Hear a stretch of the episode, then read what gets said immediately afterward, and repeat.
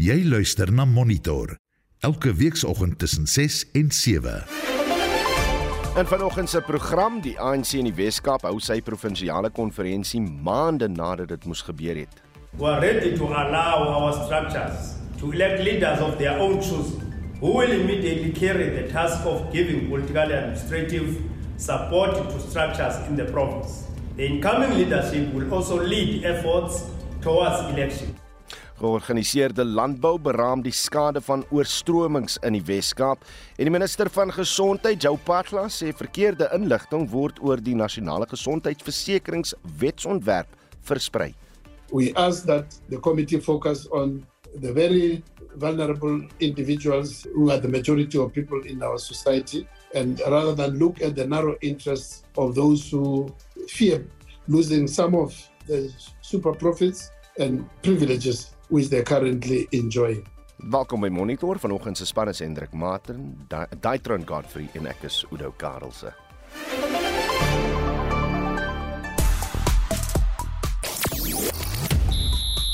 Uh, 'n 1-0 voorsprong vir Australië in die asreeks teen Engeland. Die Suid-Afrikaanse A-span kolwer staan sterk in Sri Lanka.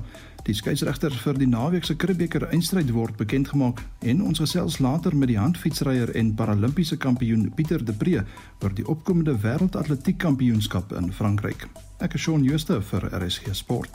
Die wêreld se aandag is vanoggend op 'n mini-duikboot gevestig in die soektog daarna in die Noord-Atlantiese See. Nou 5 mense is aan boord die duikboot wat op 'n soektog was vir die wrak van die Titanic en toe verlore geraak het. Die duikboot het uh, tans so wat 22 uur se suurstofvoorraad oor, so die tyd om die bemanning veilig te vind loop nou vinnig uit. Vandag, die 21ste Junie, is ook die kortste dag en dan ook die langste nag van die jaar aangesien dat die winter sonstilstand is. So as jy vanaand vroeg in die bed is, gaan jy beslis die langste slaapie van die jaar uh, kan vang.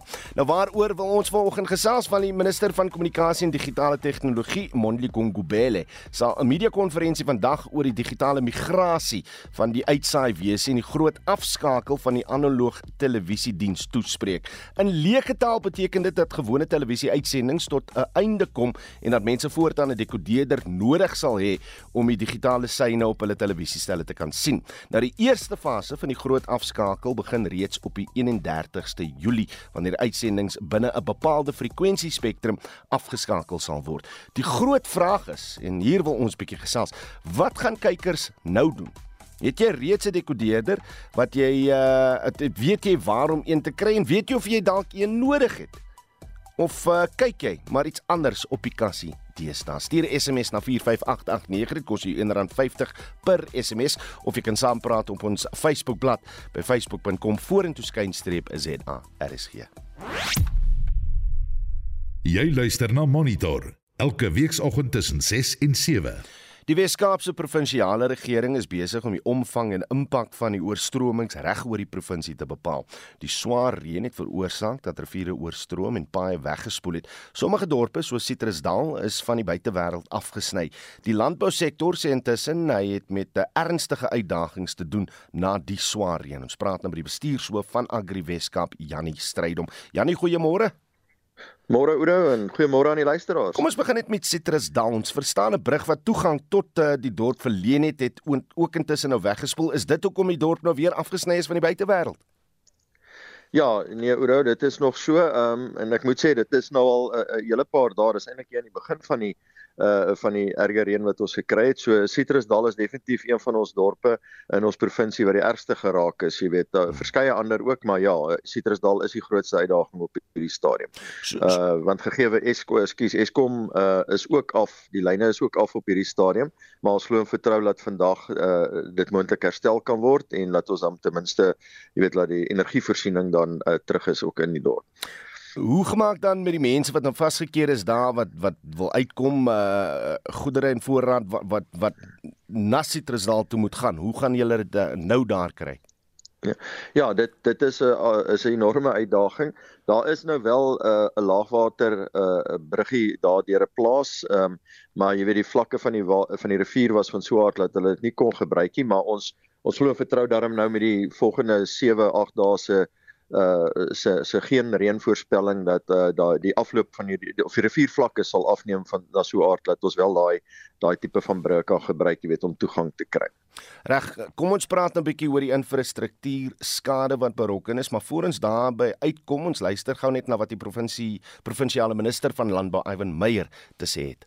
Scientifically, methodologically, the colleagues and the officials at the technical level, they will go out, do some preliminary assessments, write the report, firstly to see whether there is a feasibility to declare a local disaster, then a provincial disaster. But what I have seen on the ground, the impact on farms, this must be declared a disaster in my opinion. Reg, uh, kom ons begin daar. Janie, stem jy saam met uh, die die provinsiale minister?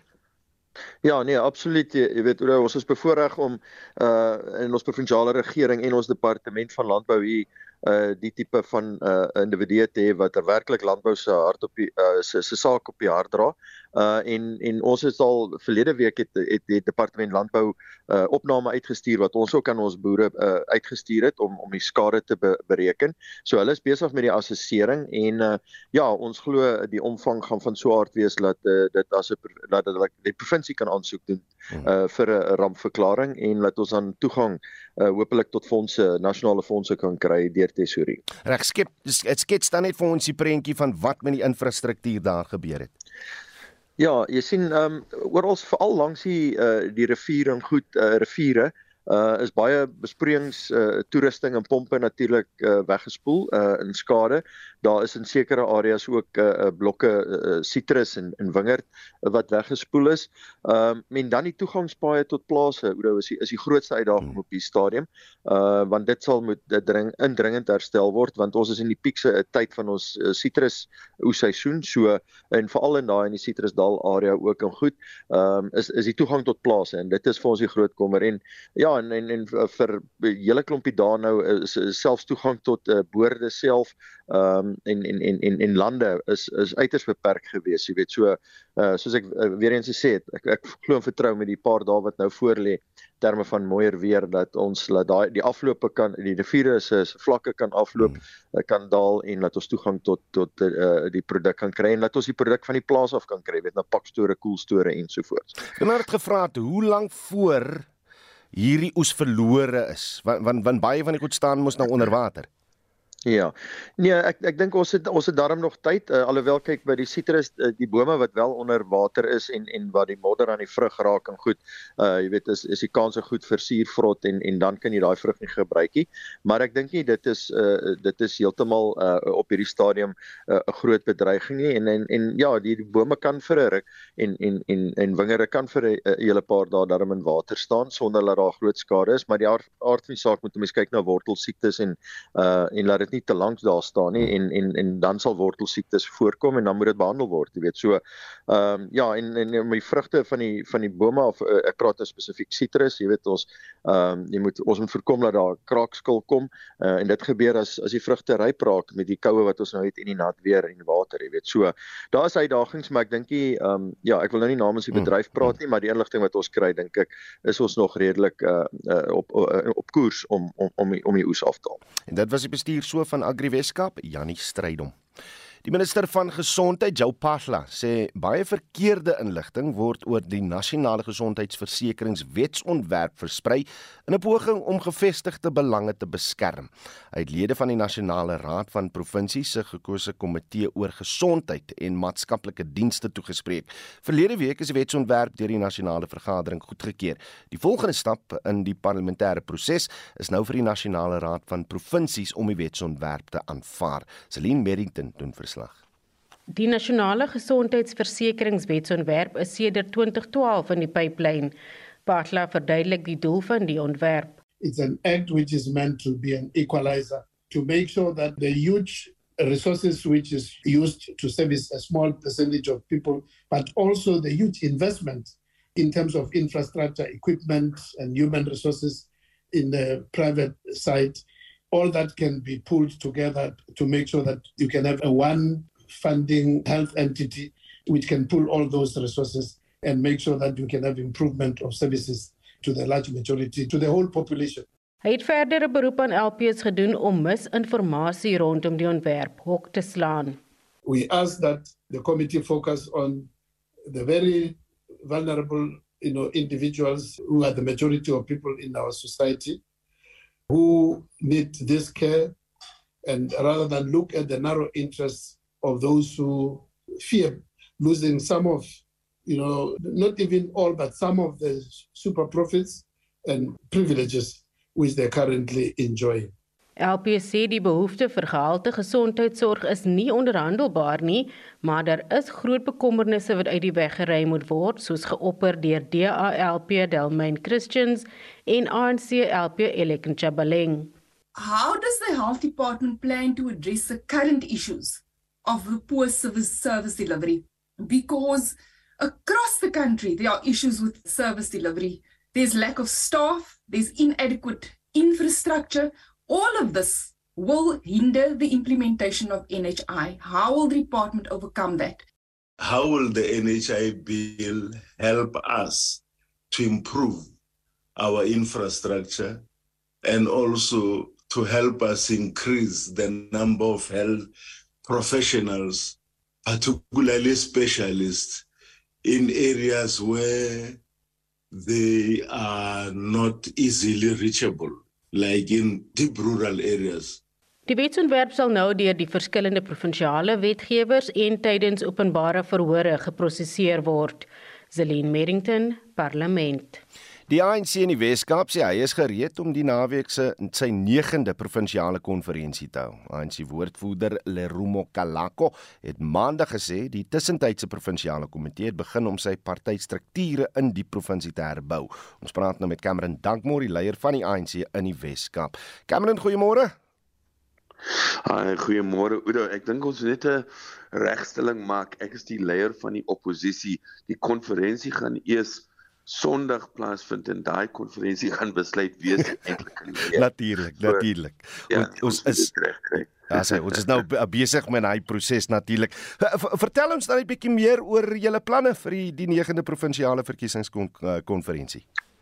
Baie dankie vir die geleentheid.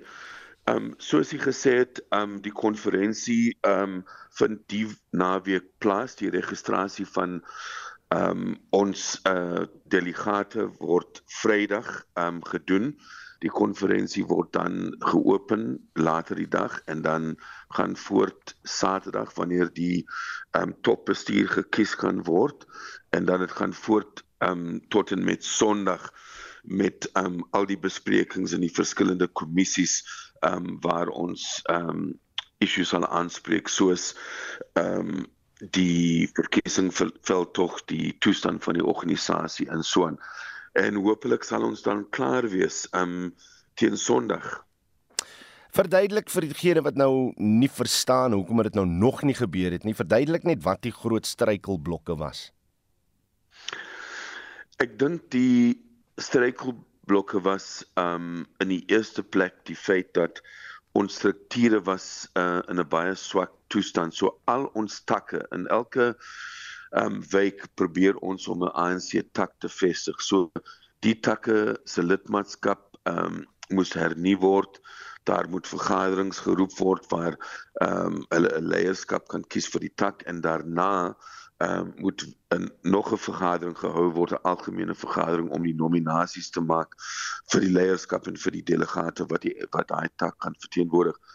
So omdat die toestand van die organisasie baie swak was, het daai prosesse ehm um, baie tyd ehm um, ehm geneem in terme van dit klaar te maak.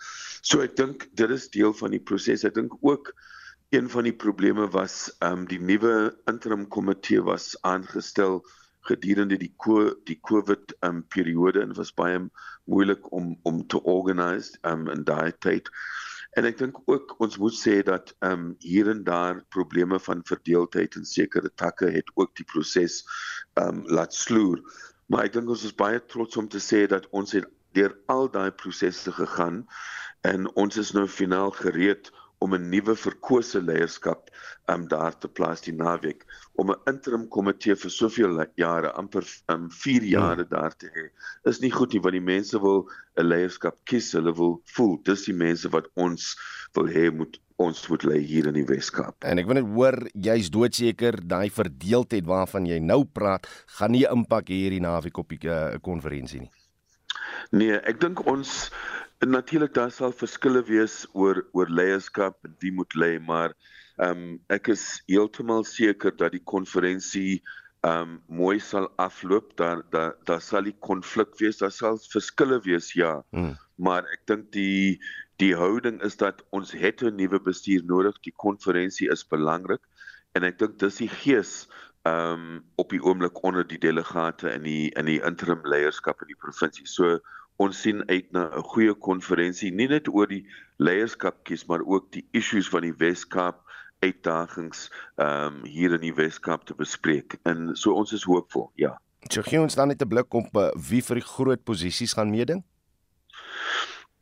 Wel, ehm um, op die oomblik uh is die ehm um, verkiesingsagentsie wat ons help. Hulle is besig om die bokse oop te maak waar al die nominasies is. En jy weet dit is ehm um, die wanneer daai proses klaar is later vandag sal ons kan sê hoeveel mense was genomineer vir voorsitter, vir ondervoorsitter, vir sekretaris en so aan. So dis jy weet daar's baie bespiegelinge in die media en so aan, maar is net um, wanneer die proses ehm um, klaar is om die nominasies te tel, dan sal ons weet wie dit gemaak want die mense moet 'n sekere getal nominasies kry om te kwalifiseer um, op die um, stem uh, die uh, om om basies dan ehm um, verkiesbaar te stel. So Ehm um, ek ek weet dit is 'n bietjie moeilik vir my. Ek is hier om te praat oor die konferensie. So ek wil nie nou spekuleer oor almal wat ehm um, genomineer is, maar ons sal later vandag seker weet wie is genomineer vir al die posisies voorsitter, ondervoorsitter, sekretaris, ehm um, kassier en uh, ondersekretaris. So ek wil nie nou my eintlik ehm um, daaroor laat gesels nie op die stadium. En dit was Cameron Dankmore, die leier van die ANC in die Wes-Kaap. Kom ons bly by die storie en praat nou met 'n politieke ontleder van die Universiteit van Pretoria, Roland Henwood, lanklaas met hom gesels. Uh, Roland, goeiemôre. Goeiemôre, Oude. Is 'n sterk ANC in die Wes-Kaap nog belangrik vir 'n sterk ANC op nasionale vlak? Die ANC in die Wes-Kaap is die kleinste provinsiale party 'n deel van die ANC, maar dit beteken nie dat dit onbelangrik is nie. En en die rede waarom dit belangrik is, is nie noodwendig getalle nie. Daar's twee belangrike dimensies hier wat mense na moet kyk. Die eerste een is dat die Wes-Kaap word deur oppositiepartye regeer en vir 'n party met 'n baie senter sterk sentristiese fokus soos die ANC is dit natuurlik 'n baie groot probleem dan het die ANC ook die uitdaging dat hy heeltyd vergelyk word met regering in die Wes-Kaap veral as ons kyk na provinsiale en plaaslike regering en dis vir die ANC 'n baie ongemaklike vergelyking want dit is 'n vergelyking wat die ANC glad nie goed laat lyk nie. Hmm. En dan natuurlik die laaste punt is dat die Wes-Kaap verteenwoordig 'n besondere deel van die Suid-Afrikaanse bevolking. Daar's geografiese ehm um, kenmerke in die verskillende provinsies, demografiese kenmerke en die ANC is eintlik in geheel uitgesluit van daardie proses. So ja, daar's 'n klomp redes waarom dit vir die ANC belangrik sou wees om sterker in die Wes-Kaap te ehm um, te presteer. Nou Cameron wil nou nie spekuleer oor wie genomineer is nie, maar uh, ja, wat is jou denke oor die leierskapstryd in die ANC in die Wes-Kaap? Dit gaan 'n baie belangrike ehm um, deel van die kongres wees en dit is waar dinge skeef geloop het vir die ANC in die verlede. Ehm um, sedert 2009 het dinge in die ANC glad nie goed verloop op leierskapvlak nie, diep verdeeldheid, allerlei beweringe wat gemaak is, leiers wat gedwing is om terug te staan en en dit het die ANC in die Wes-Kaap nie net verswak nie, dit het hom eintlik totaal vernietig. En daarom het ons gesien dat die ANC onder basies onder administrasie geplaas is in die Wes-Kaap en nou na 4 jaar eers weer in 'n situasie is waar hulle kan 'n konferensie hou. Ons moet onthou dat hierdie kongres, hierdie verkiesingskongres, as ek reg is, is 4 of 5 keer al uitgestel. Hmm. In die afgelope 18 maande omdat daar eenvoudig net nie in 'n plek gekom is waar vergaderings gehou kan word waar strukture in plek kan kom en waar dan na leierskap gegaan kan word nie. So dis 'n belangrike leierskapsverkiesing, dis belangrik vir die toekoms van die ANC in die Wes-Kaap. En hierdie is waarskynlik 'n uh, geleentheid waar die ANC homself kan vestig of waarskynlik vir 'n baie lang tyd uitgerangeer gaan word van betekenisvolle rol in die Wes-Kaapse politiek. Ek dink mense moet dit ook sien teen die agtergrond van wat in die nasionale politiek hmm. gebeur. En dis een van die ander uitdagings wat die ANC gehad het, is dat dit wat op nasionale vlak gebeur en veral op beleidsvlak in die ANC ehm um, gedryf word is eintlik glad nie in belang van die ANC in die Wes-Kaap nie. Veral as mens gaan kyk na die konteks van die debat in die ANC oor die beginsel van demografie en demografiese verteenwoordiging. Ehm um, dit dit maak dit baie moeilik vir die ANC in die Wes-Kaap om om werklik deur te dring en oortuigend te kan wees en sy sy steen te kan herwin wat hy oor 'n lang tyd heeltemal verloor het. Roland, wat sal hulle moet doen om om dit reg te kry spesifiek daar in die Wes-Kaap? Ek dink die basiese goed is jou partystrukture en partyorganisasie moet eers in plek kom. Jy kies nie eers leiers en dan bou jy die partystrukture nie. Die tweede belangrike ding gaan wees om werklik leiers te kies wat die belange van die party en die gemeenskap gaan verteenwoordig. En ons het ook in die Wes-Kaap gesien dat persoonlike belang 'n baie groot rol begin speel het en dit vervreem leiers baie vinnig van die um, gemeenskap waaruit hulle kom en wat hulle veronderstel is om te verteenwoordig. Die die derde punt is dood eenvoudig dat die ANC in die Wes-Kaap het nie presteer nie en dit het begin wys in verlies aan stemme. So die party sal moet 'n positiewe rol begin speel in sy eie konteks. En dan dink ek moet 'n mens ook gaan kyk. Dis baie interessant as jy gaan kyk na die ANC as oppositie in die Wes-Kaap. Is baie kere 'n baie negatiewe oppositierol. Ehm um, heeltemal presies doen die ANC wat hy sê ander partye moet nie doen nie. Die tipe um, beskuldigings wat die hele tyd gemaak word en die manier wat dit gedoen word is eintlik 'n klein politiek. En dit is nie die tipe politiek wat 'n party soos die ANC gaan bevorder en gaan bou nie. Ehm um, nou dis tekenend van die politiek in Suid-Afrika, maar die ANC het in die Wes-Kaap veral in daai slaggat getrap en sukkel om uit daai posisie uit te kom. En dit gaan sterk leierskap vereis om dit moontlik te maak. En dan die ander ding is in die Wes-Kaap, dit gaan 'n leierskap moet wees wat 'n baie breër demografie verteenwoordig as wat ons sien wat die geval in die ANC is in die res van Suid-Afrika. En dis natuurlik waar die wiele afkom in baie gevalle in konteks van wat die ANC in regering doen en sê en wat die ANC as party in die vooruitsig stel is nie altyd met mekaar belyn nie. Dit was Roland Henwood, 'n politieke ontleder van die Universiteit van Pretoria. Jy luister na Monitor elke weekoggend tussen 6 en 7. 631 en in die hoofnuus gebeure. Altesaam 23 munisipaliteite in die Noord-Kaap sukkel om hul Eskom rekeninge te betaal. En damme in die Wes-Kaap is 90% vol wat die eerste keer in 9 jaar is dat damme reeds op die vlak is. En laastens 'n vermiste vrou van Bettelsdorp is gevind. Bly ingeskakel. Ja, die minister van kommunikasie en digitale tegnologie, Mondli Gungubele, sal 'n media-konferensie vandag oor die digitale migrasie van die uitsaaiwese en die groot afskakel van die analoog televisiediens toespreek. Nou wil ons vandag weet, uh wat gaan kykers nou doen? Het jy reeds 'n dekodeerder want jy gaan hom nodig om die digitale sein te kan optel? Weet jy waar om een te kry of weet jy of jy een nodig het? En waar kyk jy? Uh wat kyk jy deesdae op die televisie? Miskien kyk jy iets anders as wat daar reeds nou te sien is op uh die die huidige spektrum. Laat weet, stuur 'n SMS na 4589101 R50 per boodskap of maak soos baie van die luisteraars gedoen het en praat saam op die Facebookblad Isella Rose. Kyk al jare nie TV nie, het nie meer 'n televisiestel nie. En Killian sê kyk al jare lank nie meer TV nie, luister slegs RSG maar dan moet jy nog steeds 'n lisensie vir betaal, nie? En Susanna Kreer sê ek kyk nie eers met televisie nie as gevolg van load shedding en eh, ek kan ook nie 'n TV lisensie meer betaal nie so hulle kan vir my part uh, doen net wat hulle wil. Daar is in elk geval niks op TV vir ons nie. Ek het nie DStv nie. Right, wat is jou mening? Stuur hy SMS na 4588910 R50 per boodskap of praat saam op ons Facebookblad by facebook.com vorentoe skynstreep ZARSG. Reg, ons gaan binnekort uitvind wat in die sportwêreld aangaan en direk daarna gesels ons met die handfietsryer en paralimpiese kampioen. Hulle noem hom sommer Super Piet. Dis nou Pieter Du Preez. Vir nou is dit tyd vir die jongste sportnuus en Shaun Jooste sluit by ons aan. Môre Shaun. Goeiemôre Oudo. Die perfekte einde aan die eerste toets om uh, die as en ek kan nie wag vir toets nommer 2 nie.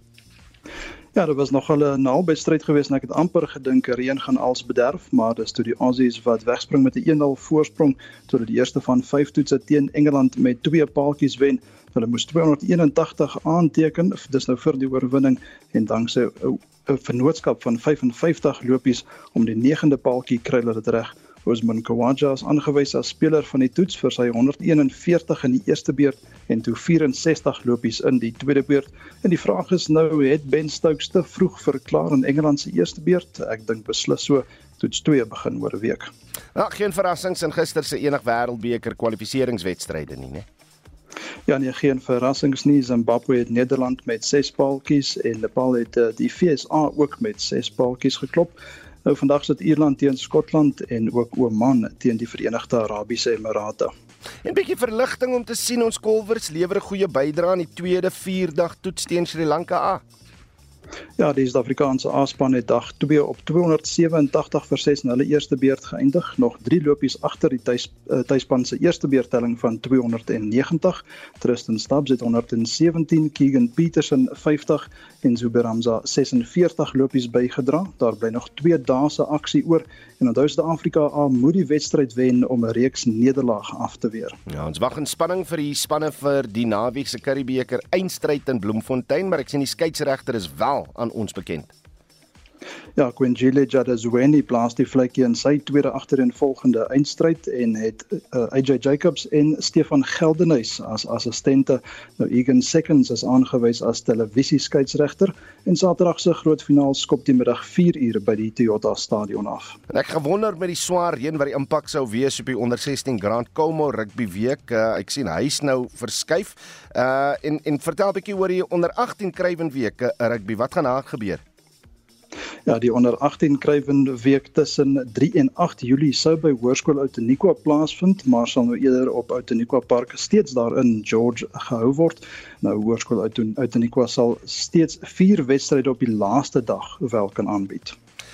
Reg, dit dan Shaun Jooste met ons uh, jongste sportnuus, maar uh, Pieter Du Preez het al verskeie medaljes by wêreldkampioenskappe verower, maar die grootste hiervan is sekerlik die goue medalje wat hy in 2021 tydens die Paralimpiese Paralimpiese spele in Japan verower het. Ons gesels nou met hom oor die opkomende para wêreldkampioenskap. Dis nou in Julie en kry ook duidelikheid oor hoe die handfietsry kategorie werk. Super Piet, goeiemôre. Goeiemôre. Lekker met julle te gesels. Welkom hier by Monitorman. Die wêreldkampioenskap soos nou gesê het vind in Julie in Frankryk plaas. Hoe vorder jou voorbereiding vir die bijeenkoms? Weet jy, so hierdie is um, eintlik 'n interessante ding. Ehm um, so dit is die atletiek wêreldkampioenskappe wat in Frankryk plaasvind. Hmm. Ehm um, waarvan ek uh, ook gekwalifiseer het en gaan deelneem. So ek neem actually in Frankryk deel aan die atletiek ehm um, in Julie en dan 3 weke later gaan ek Skotland toe vir die fietsry wêreldkampioenskappe. So uh, my voorbereiding vorder baie goed, maar jy kan nou verstaan dat dit ehm um, obviously jy weet ek juggle nou twee sporte. Ehm um, en spesifiek my kategorie is dit ehm um, sprint events by die atletiek, maar die fietsry is natuurlik langafstande wat eintlik my kos is. Ehm um, en ek het net in Switserland hierdie jaar verskriklike goeie ehm um, persoonlike bestes in die 200 en 100 gestoot op die op die atletiek ehm um, laat dit lyk of ek uh, slots kan oopmaak vir Suid-Afrika. Dis nog by die atletiek ook gaan deelneem so so ja voorbereiding gaan baie goed uh, maar ja ek en my coach moet natuurlik jy weet baie slim wees oor hoe ons die ehm um, die voorbereiding aanpak tussen die twee dissiplines so luister is jy besig met jou afrondingswerk hier in Suid-Afrika? En en vir die res van Suid-Afrika nou wat nou 'n 8 uur skof gaan insit by die werk wat behels jou oefenprogram Ja, so kyk ek um, ek het 'n 6-jarige seentjie ook wat um, half 8 klaar by die skool ook moet wees. Um, en ongelukkig as gevolg van die um, die die uh, jy weet impak van my beserings uh, en funksionaliteit wat ek het, het ek met van my oefensessies bietjie hulp nodig uh, van my vrou se kant af. So jy weet partykeer moet ek soos al 5 uur in die oggend in die swembad wees en nou hier in die winter um, klim ek 5 uur in die oggend in die swembad en half 7 uit en is nog steeds donker. So so kyk ek um, mense moet maar die goed juggle laat dit werk. Um, maar ja, jy weet ek doen so twee oefensessies 'n dag. Ehm um, ehm um, so weet so 3 4 dae van die week en dan die ander dae net een oefensessie 'n dag. Um, en ja, jy weet afhangende van wat se week en waar jy nou is, ehm um, kan dit enigiets tussen 15 ure en 20 ure se oefen wees en dit wissel tussen 'n resistool, 'n fiets, swem en ja. en um, jump. So so is besig saam met werk en en om 'n pa en 'n en 'n man te wees my vrou maar ja, jy weet ek ek geniet daak oomblik van dit terwyl ek kan. Dis hoekom hulle jou Super Piet noem. Ek weet Shaun Joost het ook so 'n paar vrae wat hy aan jou wil wil stel. Shaun Uh goeiemôre Pieter. Sê net weer vir ons in watter kodes neem jy by die kampioenskap deel en hoe werk die kategoriese klassifisering soos H1 en T51? Okay, so die T51 is half trek vir 51 en dis by die atletiek. Ehm um, en daar is dit vir my klas, jy weet soos ek sê alhoewel ek ehm um, maar eintlik van meer langafstande is en uh, jy weet ek het actually laas jaar die wêreldrekord in my klas gebreek. Ehm um, uh jy weet na 10 jaar wat ek gejaag het, maar uh jy weet as ek nou ongelukkig net sprints by die atletiek ehm um, wat wat vir ons klas beskikbaar is by die Paralimpiese spele en by die wêreldkampioenskappe. So daar neem ek deel in die 100 en die 200. Ehm um, en ehm um, T51 ons klas ehm um, is basies waarop neerkom is dis quadruple, daar's twee quadruple klasse. Ehm um, maar ons is al van die in die mees geaffekteerde klas. So al, al funksie wat ons eh, basies het om om 'n layman's terms net verduidelik is, ehm um, ons het geen hand of vingerfunksie nie, jy het maar basies gewrigte, jou biceps en jou skouers. Ehm um, waarmee jy dan nou eh, basies ehm um, jy weet jou jou stoel uh, vorentoe stoot, as ek so kan sê en die res van jou lyf is heeltemal ehm um, geaffekteer. Ehm um, En dan ek dink groot goed wat mense nie besef nie is jou as gevolg van jou parasimpatiese senuweestelsel wat geaffekteer is. Ehm um, het mense ook ehm um, baie my my hartrate kan nie regtig baie hoër as 120 gaan nie en ek speel ook glad nie. Jy weet so dis alles goed vir mense affekteer. En is half dieselfde tipe ding met die handfietsry. H1 is ook daai tipe spierfunksie ehm um, wat jou in daai klas sit. En dan net laastens, wat is jou doelwit vir die opkomende wêreldkampioenskap?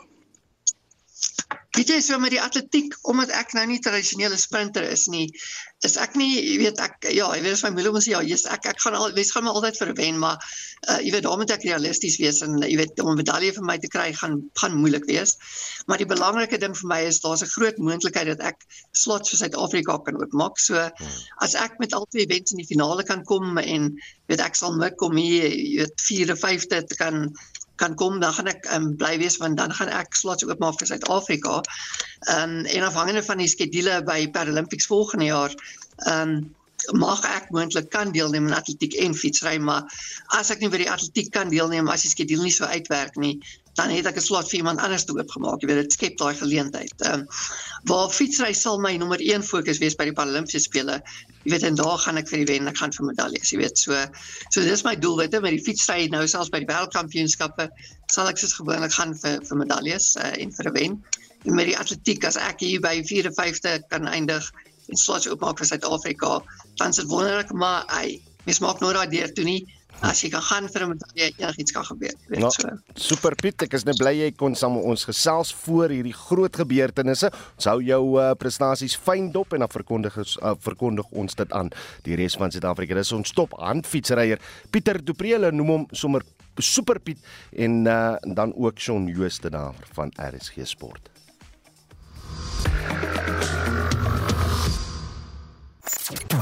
Jy luister na Monitor elke weekoggend tussen 6 en 7. Marlene Forsie was vroeër die jaar saam met 'n span dokter Sirieto wat mediese hulp aan slagoffers van die oorlog, Februariese aardbewing en die huidige ekonomiese krisis verleen. In 'n reeks van 3 bydraes wat uh, vat sy jou op reis om die mense te ontmoet wat gekies het om in die land te bly. Die keer maak ons 'n draai in 'n kleiner dorpie wat aangeval is, maar nooit ingeval is nie.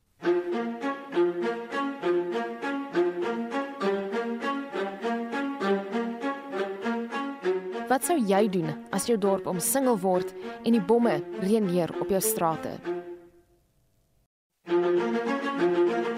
We came to the realization whoever staying here is facing death. Net ons begin het, het daar 'n bom geval. En vir daai oomblik het ek 'n ongelooflike vrees ervaar. They came against us. Our right to defend our houses, our churches and our land. Sy woorde is ons is net gewone mense wat 'n uniform aangetrek het om ons families in tot te beskerm. Die is die verhaal van gewone mense wat oornag wapens opgetel en terreur die stryd aangesê het terwyl ander die knie gebuig het. We increased our meetings to pray and fast and defense uh, spiritually for our country. So wat ons gedoen het, is ons het gaan loop om sjokolade te koop. Ewe skielik, toe sê hulle vir ons, ons moet asseblief die gym kom kyk. So ons gaan af met 'n paar trappies en ons loop in 'n gym in. Die volgende oomblik, toe sê hulle vir ons, kom kyk ons rebounders, dis nou klein trampolientjies, en hulle gooi ook vir ons 'n rebound neer en sê klim op. So ek sê jalla en dan gooi my ek trek my baadjie uit en ek begin te spring en dit is lekker om um, musiek. Ja, ek dink dit kan 'n lekker gym is om te oefen. Hy's tog goed uitgekiet. Ja. En vir my is die uitstaande ding die vriendelikheid van die mense. I was just so surprised to find this oasis in the middle of destruction and it is an absolutely beautiful little town and if I got lost anywhere in Syria I would like to get lost here. Dis 9 uur die aand en 'n verstomde groep Suid-Afrikaners loop deur die lewendige, veilige strate van een van die enigste amptelike Christendorpe wat in Sirië oorgebly het. Maar elke persoon wat ons raakloop, het tot onlangs in vrees geleef. Want, sê Jaco Kleinhans van Solidariteit se afdeling vir internasionale betrekkinge, militante ekstremiste groepe het hulle op dorpe soos die toegespits. Voor die burgeroorlog het Bashar al-Assad en sy regering grootliks Christene beskerm. Die grootste deel van daardie Christelike gemeenskap is uitgewis, mense wat gevlug het of wat dood is as gevolg van hierdie oorlog. En van die heel oudste Christenkerke in die wêreld is tydens die burgeroorlog in Sirië vernietig. Yes, uh, we are going to that church. Uh, it is in a house underground. Welcome. Thank you. Welcome. 'n Suid-Afrikaanse sendeling, Helen Bernard, het die aanslag eerstehands ervaar. So ons het hier in hierdie kerkie wat ondergronds is bymekaar gekom, was tydens ons aanbiddingssessie dat bomme begin val het. En ek het rondgekyk en ek het gesien dat nie een van die gelowiges wat in hierdie kerk was eers 'n wenkbrau gelig het nie. Sy onthou die eerste keer wat sy hiermee te doen gehad het. Net voor die kerkdiens begin het, het ons buite gesit en eet. Net ons begin het, het daar 'n bom geval. Eers kom die klank en dan kom die skokgolwe wat jou aan jou bors ruk en vir daai oomblik het ek 'n ongelooflike vrees ervaar. My kollega vra vir hulle, "Moet ons hardloop?" Hulle het ons net aangekyk en hulle het net aangegaan om te eet. En ek het besef dat hierdie leefwyse het byna 'n normaliteit vir hierdie mense geword. En ten spyte van die omstandighede het hulle aangegaan om te lewe. Saam met ons is 'n vroue pastoor wat die kerk gelei het gedurende die oorlog. Om veiligheidsredes gebruik ons nie haar regte naam nie, maar vir die doeleindes van die verslag noem ons haar Joy. Since uh, nine years, uh, it was uh, terror for the people. They left uh, the city and uh, flee to other towns. Why did you choose to stay in Syria? If we leave this country, who will stay and uh, help those who are in this pain? Mike told me when someone threw a bomb, people would go immediately to fix it. Our city help anyone his uh, house uh, collapsed and help him to fix his uh, house with money, with uh, labor, so that now when you are walking in the street, everything is uh, perfect. هلا قبل ما تبلش هي شو صفتها؟ Uh, what what are you? I am a woman. Hold on. um, I'm a journalist. Sahafiye. Terwyl Kerk op hul knie was, ja. het 'n beroepslei in soldate ontaard. Die gemoedelike man wat praat by monde van 'n tolk is die 63-jarige Simon. Ons sit om 'n tafel. Hy steek 'n sigaret aan en die atmosfeer verander. Of course, the time is able to heal. See, on my legs, the injuries, my hands, even in my face, my neck, even in the heart. I had the mobile phone in my pocket and money. It went through the money just like to the phone and broke some rib. 'n Jong man, nie veel ouer as nader. Hy het 'n oog verloor en bykans sy arm en wys foto's van penne in sy bene. He was one of 10 guys going after tourists. At first, he was not injured, but his friends. I said to him, son, take these guys immediately to hospital. He said, there is more guys still injured. He was shouting, they're still there, and went back. He was targeted by a, a bomb. Ten spyte hiervan brand die vegtersgees nog warm in Hanni se hart. ولكن هيك نصيبه من رب العالمين اني اتصاوب صاروخ This was what happened to me, وما انا مخليها تعيقني باي شيء and this will not disable me. رح ضل مستحيل Om die tyd in Mogardes se geskiedenis te onthou, is 'n kerk as gedenkteken opgerig en hulle het dit self gebou. مو بس تخريب نحن في We want to plant life on this land.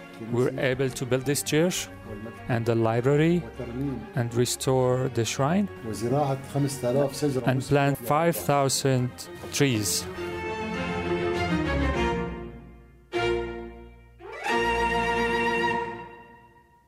Die bydra saamgestel deur Marlenae Forsie.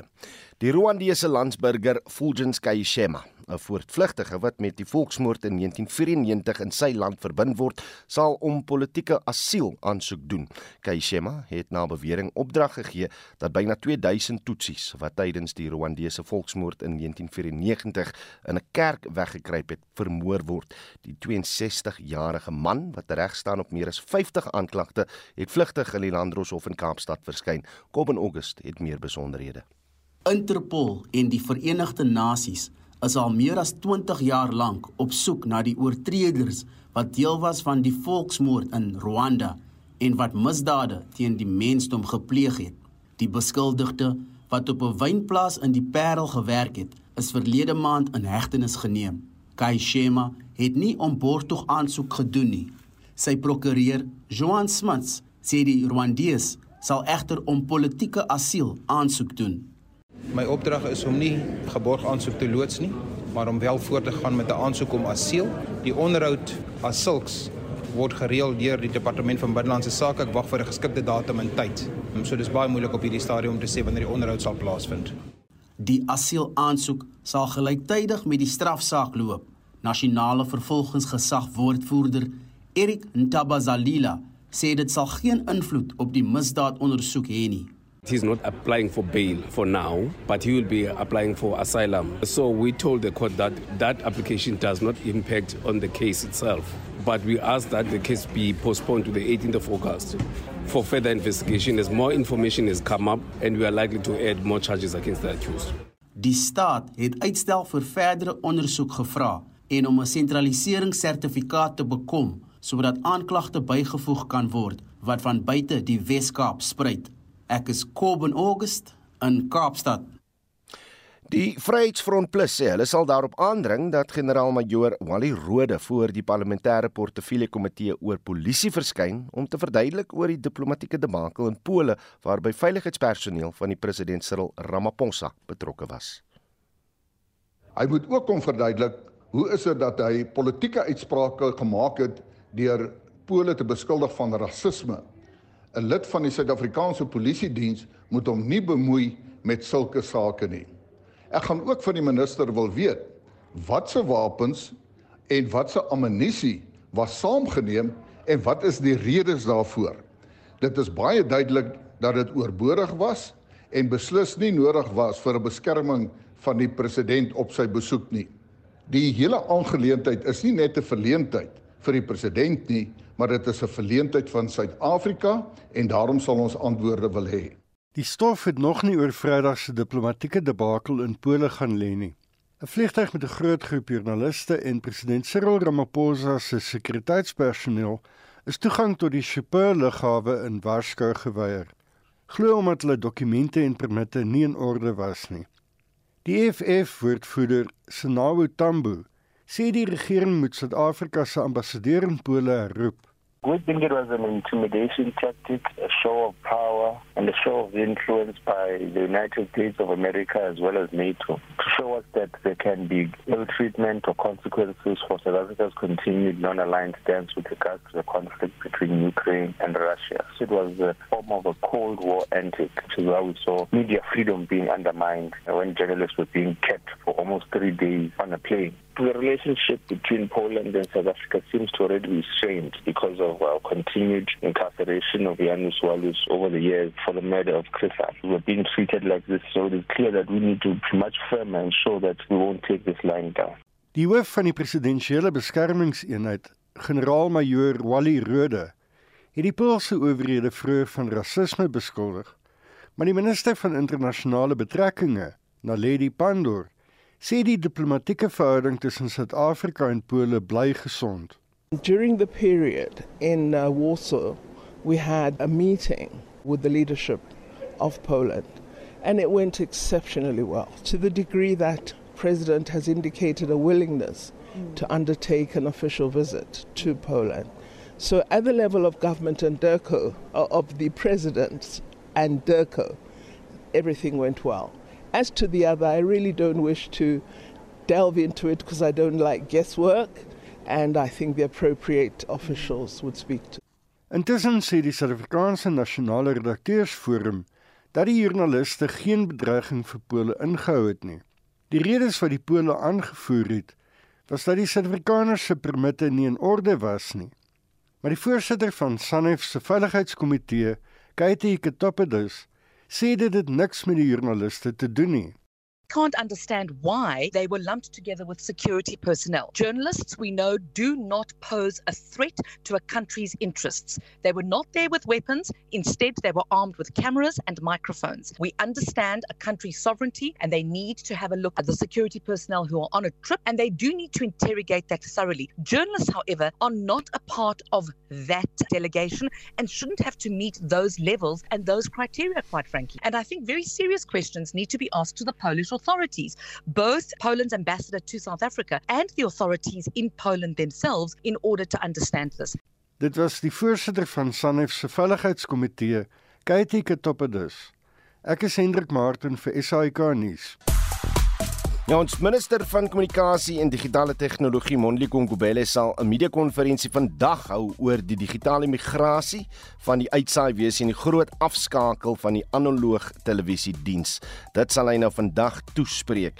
Nou wil ons by jou weet, uh, wat gaan kykers nou doen as jy nou nie 'n slim TV-stel het nie? Weet jy waar om 'n dekodeerder te kry? Dank, het jy reeds een?